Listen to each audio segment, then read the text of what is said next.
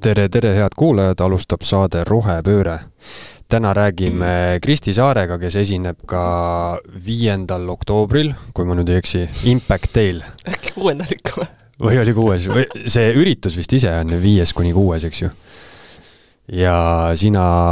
esined seal millal mul kalendris on ikka, et kuuendal. ahah, kuuendal. kuuendal oktoobril ühesõnaga suur konverents nimega Impact Day ja ja Kristi esineb seal siis äh, teemaga, mille nimeks on roheinvesteeringutega maailma päästvate firmade kasumlikkuse suurendamine. no suur äh, keeruline. hea lihtne pealkiri et äh, sellest me siis täna räägime. Kristi, millest sa rääkida kavatsed? Jaa, tegelikult võikski üldisemalt roheinvesteeringutest rääkida ja eks see paneeli pealkiri on ka pandud see kasumlikkuse suurendamise märksõna, sest et inimestel kipub olema arvamus, et investeerida eetiliselt või roheliselt või jätkusuutlikult, tähendab, et raha sellega ometigi teenida ei saa ju. Et see on nagu noh, et on nagu kasum, tootlus ja siis on mingid sellised maailmavaatelised nüansid, aga tänapäeval õnneks me liigume sinna suunda, et selline jätkusuutlik roheline pikema perspektiivi vaade on üha rohkem levinud ja tuleb välja, et nii on ka võimalik raha teenida et ei peagi enam valima, kas raha või eetika, vaid Jaa, saab käia nii-öelda kahte rada korraga. jaa, et eks ta ikkagi raske on, sest noh, kapitalism ja nii edasi, eks ju ähm,, aga kuna väga mitmest suunast seda jätkusuutlikkuse survet on, ühelt poolt äh, kliendid, kes tarbivad kõiki teenuseid, tooteid, investorid, kes rahastavad, noh, pangad, kes rahastavad, ja sellele lisaks siis ka kõik selline juriidiline, seadusandlik, süsteemist tulenev äh, nõuded igasugusest komisjonidelt, riikidelt, mis iganes, et ega ettevõtetel pikas plaanis pääse ju ei ole. et sa ei saa öelda, et mind ei huvita ei keskkond, ei jätkusuutlikkus, ei saastamiskvoodid, ei midagi, teen, mis ma tahan, et ühel hetkel sind äh, ikkagi tõenäoliselt jätavad maha nii kliendid kui äh, rahastajad selle peale mm. -hmm. No sina oskad äh, hästi võib-olla just investori perspektiivist selle kohta rääkida, et äh, ega kui me võtame jah, sellise suure ettevõtte või korporatsiooni, nemad vaatavad ikka, et äh, kuidas neil on nagu tootmiskulud all hoida, on ju. aga kui mingi hetk, nagu sa ütlesid, on investorid on niivõrd roheteadlikud, et nad hakkavad seda nõudma, on ju, ettevõtetelt, siis,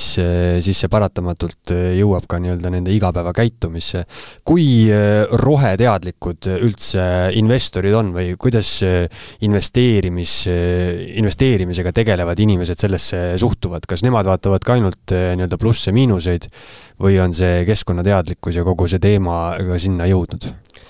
Eks kõik investorid ka arenevad, no kui sa alustad investorina, siis alguses sa ei tule sellegi peale, et vaadata mingisugust jätkusuutlikkuse raportit. Ja kui mina alustasin investeerimisega, siis enamik ettevõtteid sellist asja nagu jätkusuutlikkuse raport mingil loetaval kujul kuskil avalikult tegelikult ja ka üldse ei andnud välja. et praegu on tulnud see regulatsioon järgi, et ettevõte üldiselt peab ikkagi aru andma, et mida ja kuidas teeb, et näiteks kui sa tahadki saada börsile, siis osa sellest protsessist on, et sa avaldad info, et mida ja kuidas sa teed, et milline see mõju maailmal on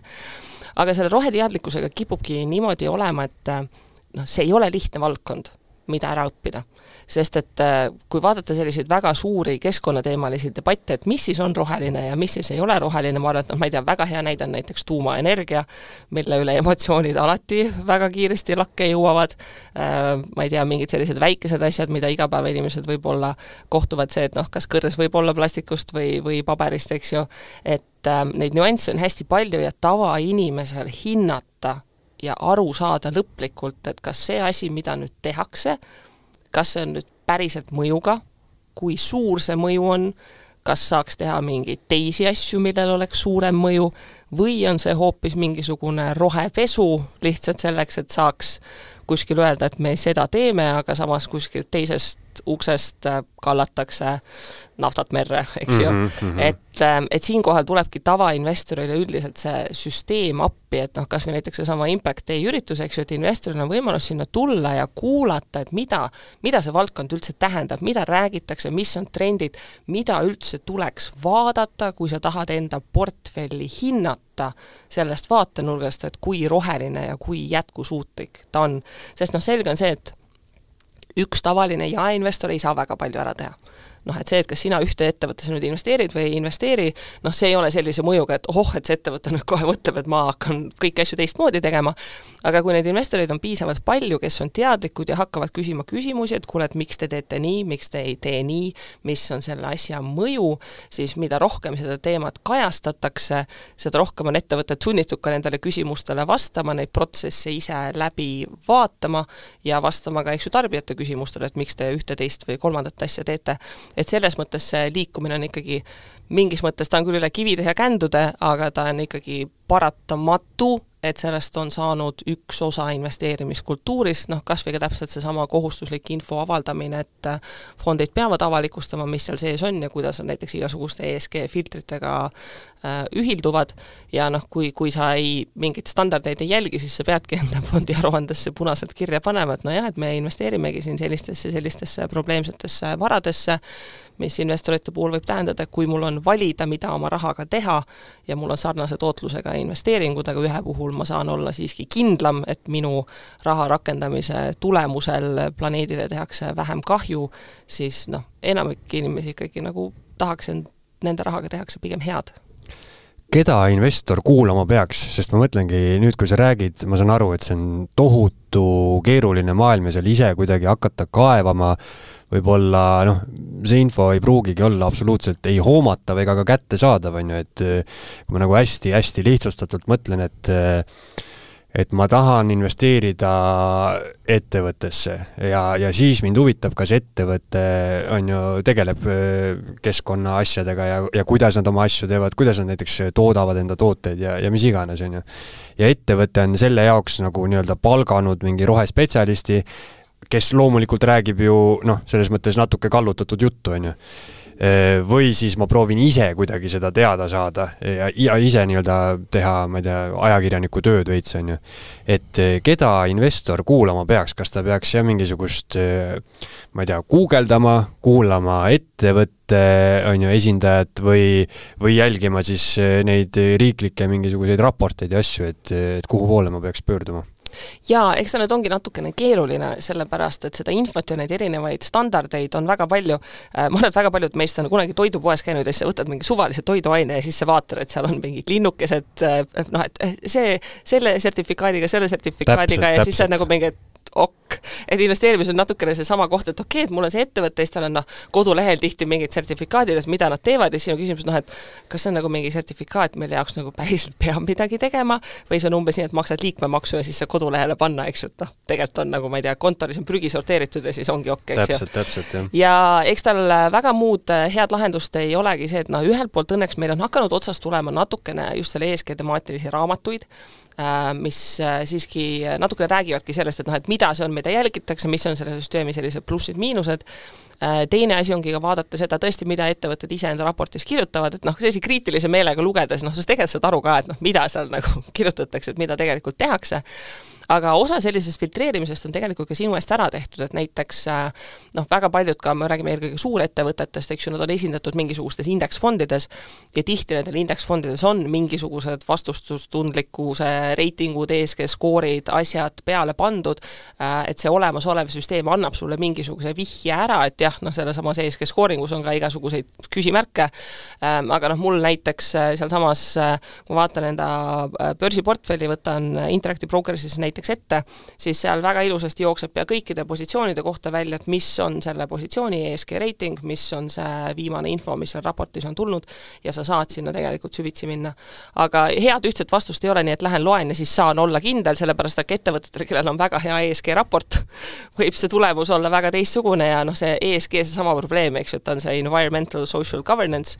et kui sa oled kütusefirma, kes siiski samal ajal ühest otsast nagu väga saastab, aga teisest otsast on nagu juhatuses piisavalt naisi, noh, siis nagu keskmine skoor äh, võib kokku tulla suhteliselt okei okay,, aga see ei tähenda, et see ettevõte tegelikult keskkonna mõttes kuidagi adekvaatne oleks. ma mõtlengi, et, et siin juba tekib niisugune suurem filosoofiline küsimus minu arust, et kui me võtame noh, ükskõik millise, ma ei tea, suure mobiilitootja näiteks, on ju, et eh, kui sa nagu väga laialt sellele mõtled, et eh, nad tulevad eh, oma uue mudeliga välja põhimõtteliselt noh, pea iga aasta, on ju, mhm. või natukene harvem, on ju, et see noh, see ei ole nagu jätkusuutlik, on ju, ja siis noh, see suurem, laiem küsimus on üldse, et kas, kas mingisugune jätkusuutlikkus ja kapitalism üldse saavad nagu kõrvuti eksisteerida lõpuni ei saa kindlasti ei saa. aga seal ongi see, et noh, meil on ju, me vaatame, et noh, millest ka tänapäeva majanduses räägitakse, sellest, et meil on vaja mingit kapitalismijärgset süsteemi, on tegelikult juba väga kaua räägitud. Ja räägitakse, eks ju, ka sellisest nagu degrowth nagu sellisest äh, mudelist, et noh, kapitalismi põhiidee on see, et me kasvame kogu aeg edasi, aga mis siis juhtuks, kui me ei kasvaks edasi? Ja kõik see, mida me praegu vaatame ka keskkonna valdkonnas, noh, ta on osa sellest mudelist. Ja sama see, et me ei kaeva maa seest uusi metalle välja, vaid me kasvame kasutame uuesti neid, mis on juba välja kaevatud, eks ju, et me ei pea kogu aeg uusi rohkemaid asju tegema, et me saame taastada, et noh, kõik see ringmajanduse kontseptsioon, kuidas me jääke kasutame, kõik need on sellised väikesed pusletükid selles suures pildis. see suur pilt ei ole meil veel koos, sest et lihtsalt neid pisikesi nurkasid, mida on vaja otsast parandada, on niivõrd palju, aga laias laastus äh, nad kõik lõpuks on üks element sellest lahendusest jah, lihtsalt tundubki, et, et kui eh, tahta olla maailma parandaja, siis eh, mingis mõttes vastab see stereotüüp nagu tõele, et siis sa pead olema katkise kampsuniga hipi ja, ja nurgas nutma või midagi sellist. ei, ei, ta ei ole tegelikult üldse nii ja noh, seal ongi ka lihtsalt see, et kui me vaatame, et noh, lihtsalt ka tarbijate poole pealt, eks ju, et tihti see probleem, et igasugused rohe jätkusuutlikud, mis iganes asjad on nagu kallimad, jah, nad on kallimad, aga inimesed, kellel sissetulek on suurem, ka kipuvad neid eelistama et see on ka üks element, et noh, et miks me tahame, et eh, noh, see, seesama rahaasjade element, millega mina igapäevaselt tegelen, et inimesi koolitada, ma näen, et nagu kui inimesel on rahaasjad korras, ta hakkab ka tarbimises tegema teisi valikuid. kui ta ei pea meeleheitlikult ostma seda kõige odavamat plastmassist eh, Hiinast eh, konteineriga tulnud kaupa, vaid ta saab valida midagi, mis on näiteks toodetud kohalikult, mis on, eks ju, väiksema transpordijalajäljega, mis on toodetud mingisugustest parematest koostisosadest, eks ju, et ta ei pea ka olema plastik, noh, võib-olla ma ei tea, puidust, eks ju, äh, ja, ja tal on võimalik valida midagi, mis kestab kauem, mis tähendab, et ta tekitab neid jäätmeid, eks ju, ka vähem. et nad on kõik nagu osa selles suhtes sellest protsessist, aga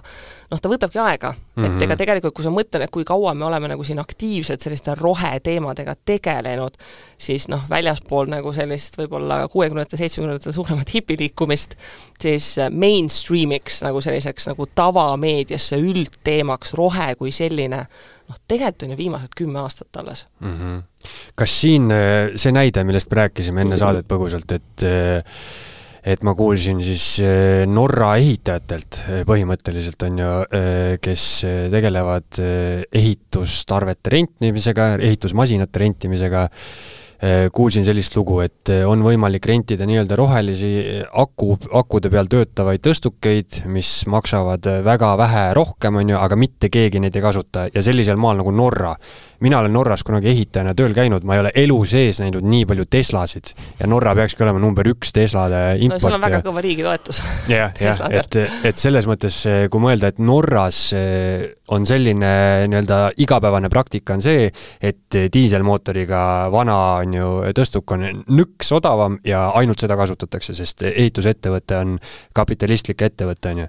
ja, ja kui me siis võtame nii-öelda selle süsteemi, et lõpuks me saame äkki panna sellele majale, mis me ehitasime, mingisuguse sildi külge, et selle ehitamisel on kasutatud eh, rohepraktikaid, ütleme mm -hmm. üldplaanis on ju, et siis ehitusettevõtted hakkavad kasutama neid akude peal tõstukeid. aga kas sellest eh, rohelisest mõtlemisest, selles mõttes see roheline mõtlemine, sa ütled, et kui me oleme kümme aastat sellest rääkinud, et kas see ei lange meie nii-öelda kapitalistlikku maailmavaatesse sisse, et me lihtsalt proovime nagu olla järjest rohelisemad ja kõik see, sellest ja, saab nii-öelda mull, on ju, mis läheb katki. jaa, no ei, no mitte tingimata mull, aga noh, vaata, siin ongi selline mõtteprotsessi koht, et noh, see, seesama probleem, et kui inimesel on väga piiratud ressursid, siis noh, on täiesti loogiline, et ta valib nende piiratud ressursside lõikes.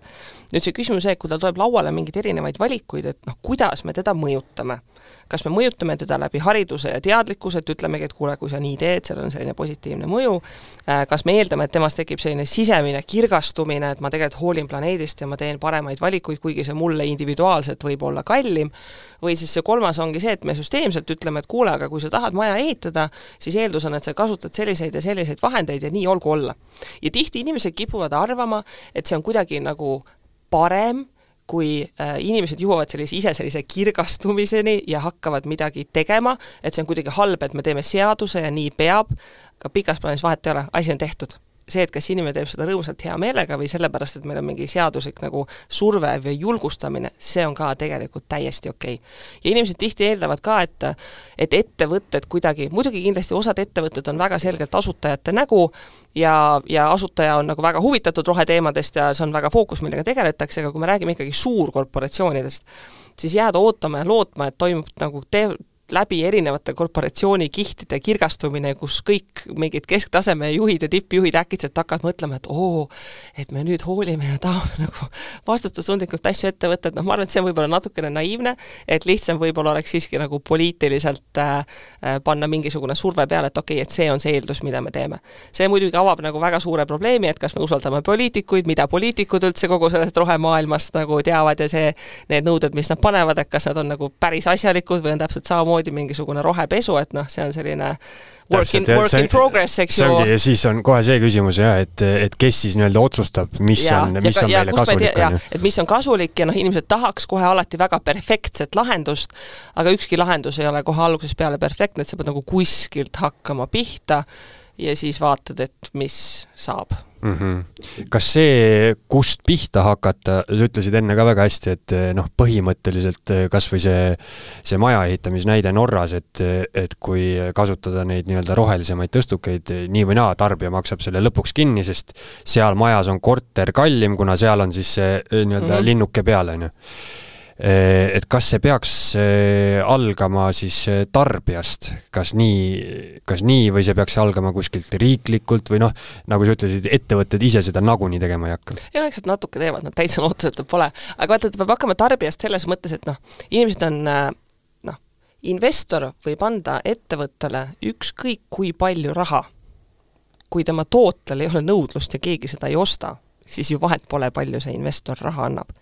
investorid tahavad investeerida asjadesse, mis on populaarsed, mida tarbijad päriselt, eks ju, ostavad, tarbivad,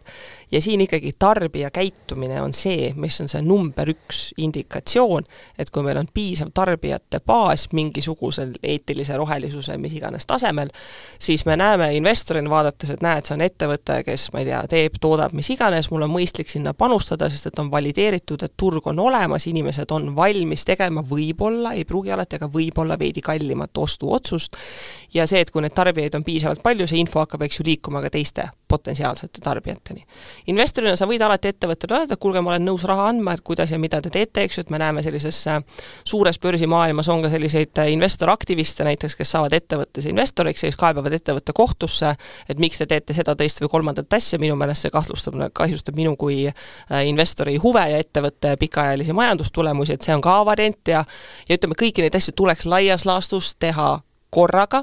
aga mult ka investorid väga tihti küsivad, noh, et ma tahaksin nagu olla nagu roheinvestor, et noh, et mida ma teen, ja noh, reaalsus on see, et need sinu igapäevased otsused, mida sa tarbijana teed, mõjutavad seda turgu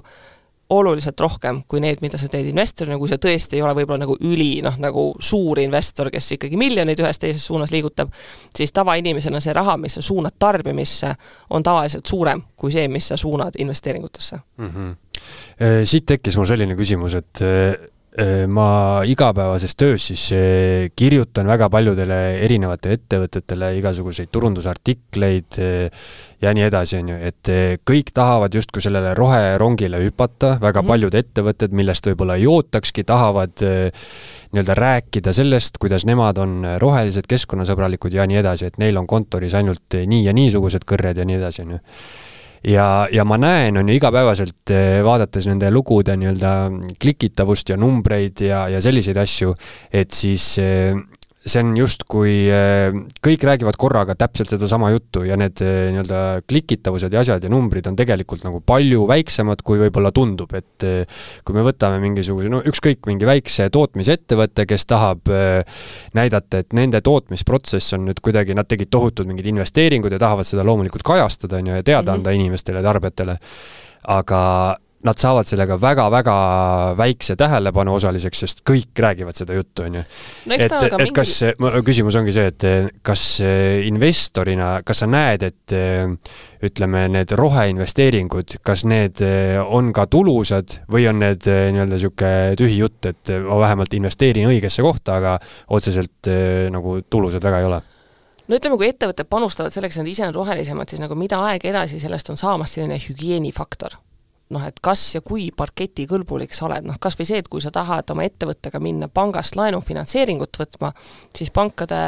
laenuportfelli ikkagi nad jälgivad väga terava pilguga, et kellele, mis, kuidas me raha anname, ja seesama koht, et kui sa lähed näiteks uue tehase ostuks raha võtma ja kui see uue tehase ehitusplaan on ikkagi palju rohelisem ja, ja, ja kontor on palju rohelisem, siis tõenäoliselt see tähendab sinu jaoks ka oluliselt odavamaid finantseerimiskulusid et ta on nagu natukene sellega seotud, et noh, ütleme ausalt, ega mina ka noh, kui ma näen artiklit, et noh, ma ei tea, see ettevõte tegi mingi suure muudatuse selleks, et on selles asjas roheline, noh,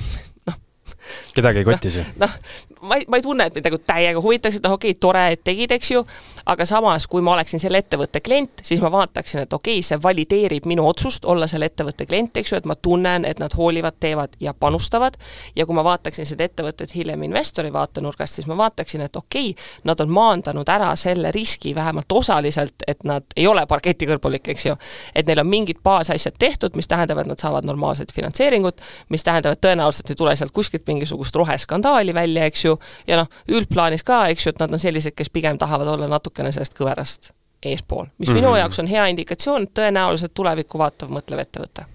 see on muidugi selles mõttes hästi loogiline asi, et see on ju äh, kõike, mida on palju, siis äh, tekib lihtsalt äh, inflatsioon, on ju, et noh, ma ei tea, nagu mingi äh, kõrghariduste puhul, et noh, kellel ei oleks bakalaureusekraadi, on ju, et see noh, see ei tähenda peaaegu mitte midagi tänapäeval, aga kunagi oli see nagu kõva asi, et see on samamoodi igasuguste nende tähiste ja linnukestega, on ju, et kui see on see uus nagu, standard. jah, kui neid on hästi palju, siis justkui see üks tähis või see, et sa tegid, panid mingi paarsada tonni mingi rohelisema tootmismasina ostuks, on ju, et see noh, nii-öelda ei huvita kedagi. jaa, no seal ongi see, et tuleb aru saada, et see ei ole nagu eraldi eesmärk, et eesmärk on teha asi ära, et olla roheline, eesmärk on see, et me teeme seda, mida me teeme, mis on meie põhiäri, niimoodi, et me samal ajal oleme ka rohelised, eks ju, et me aktiivselt ei kahjusta keskkonda ja kõike muud, eks ju, ta on ikkagi selline kõrvalliin mm. -hmm. et ükski ettevõte ei ole nii, et me oleme nüüd täiega edukad, et noh, see aasta olime rohelised, ei no me olime täiega edukad, sellepärast et me tegime rekordilise müügikäibe ja kasumi, eks ju, lihtsalt äh, kõik see vastutustundlikkuse jätkusuutlikkusega seonduv osa toetab seda ülejäänud äh, sellist müügi ja promo ja kõike muud protsessi mm. -hmm lihtsalt, tihtipeale ongi mulle tundunud, et, et võib-olla paljud ettevõtted siis lähenevad kuidagi sellele või noh, nad soovivad, et see nende roheinvesteering saaks justkui uueks müügiartikliks, aga nagu sa ütlesid, et kui see on hügieen, on ju, siis see on lihtsalt kuidagi, nende roheinvesteering aitab neil lihtsalt kergemini asju ajada. aitab neil jääda konkurentsi mm. -hmm. et kui kõikidel teistel on ja sul ei ole, siis see on probleem mm. -hmm aga jah, ju siis sellest eh, peaks mõtlema mingi uue nurga välja, et, et see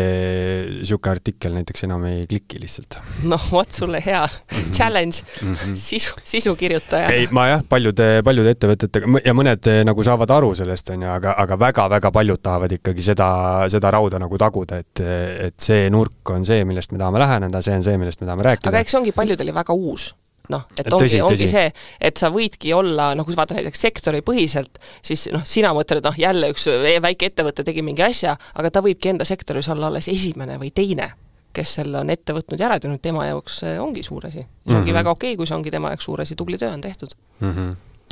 okei okay,, aga Kristi, keda sa ootad enda ettekannet Impact Tale siis kuuendal oktoobril kuulama ma arvan, et meil ongi selline plaan, et rääkida just pigem niimoodi, et äh, investorid saaksid äh, tulla erinevaid vaatenurkasid vaatama, et meil ongi seal esindatud nii ettevõtjate pool kui ka siis investorite pool, et just selleks, et kui sa investorina tahad oma portfelli puhul kaaluda seda, et rohe- jätkusuutlikkus on olulised teemad, et kust üldse alustada. et sa saaksid olla kindel, et see info on adekvaatne, mida ettevõtted ise arvavad ja kirjutavad ja siis on võimalik pärast ettekannet oma portfell üle vaadata, et kas mm -hmm, on mhm, vaja midagi mm -hmm. muuta. no mõistlik kõigile siis, kes tahavad selles roherägastikus paremini orienteeruda, siis ja. minge kindlasti Kristit kuulama, aga aitäh, et tulid ja rääkisid meile teemadest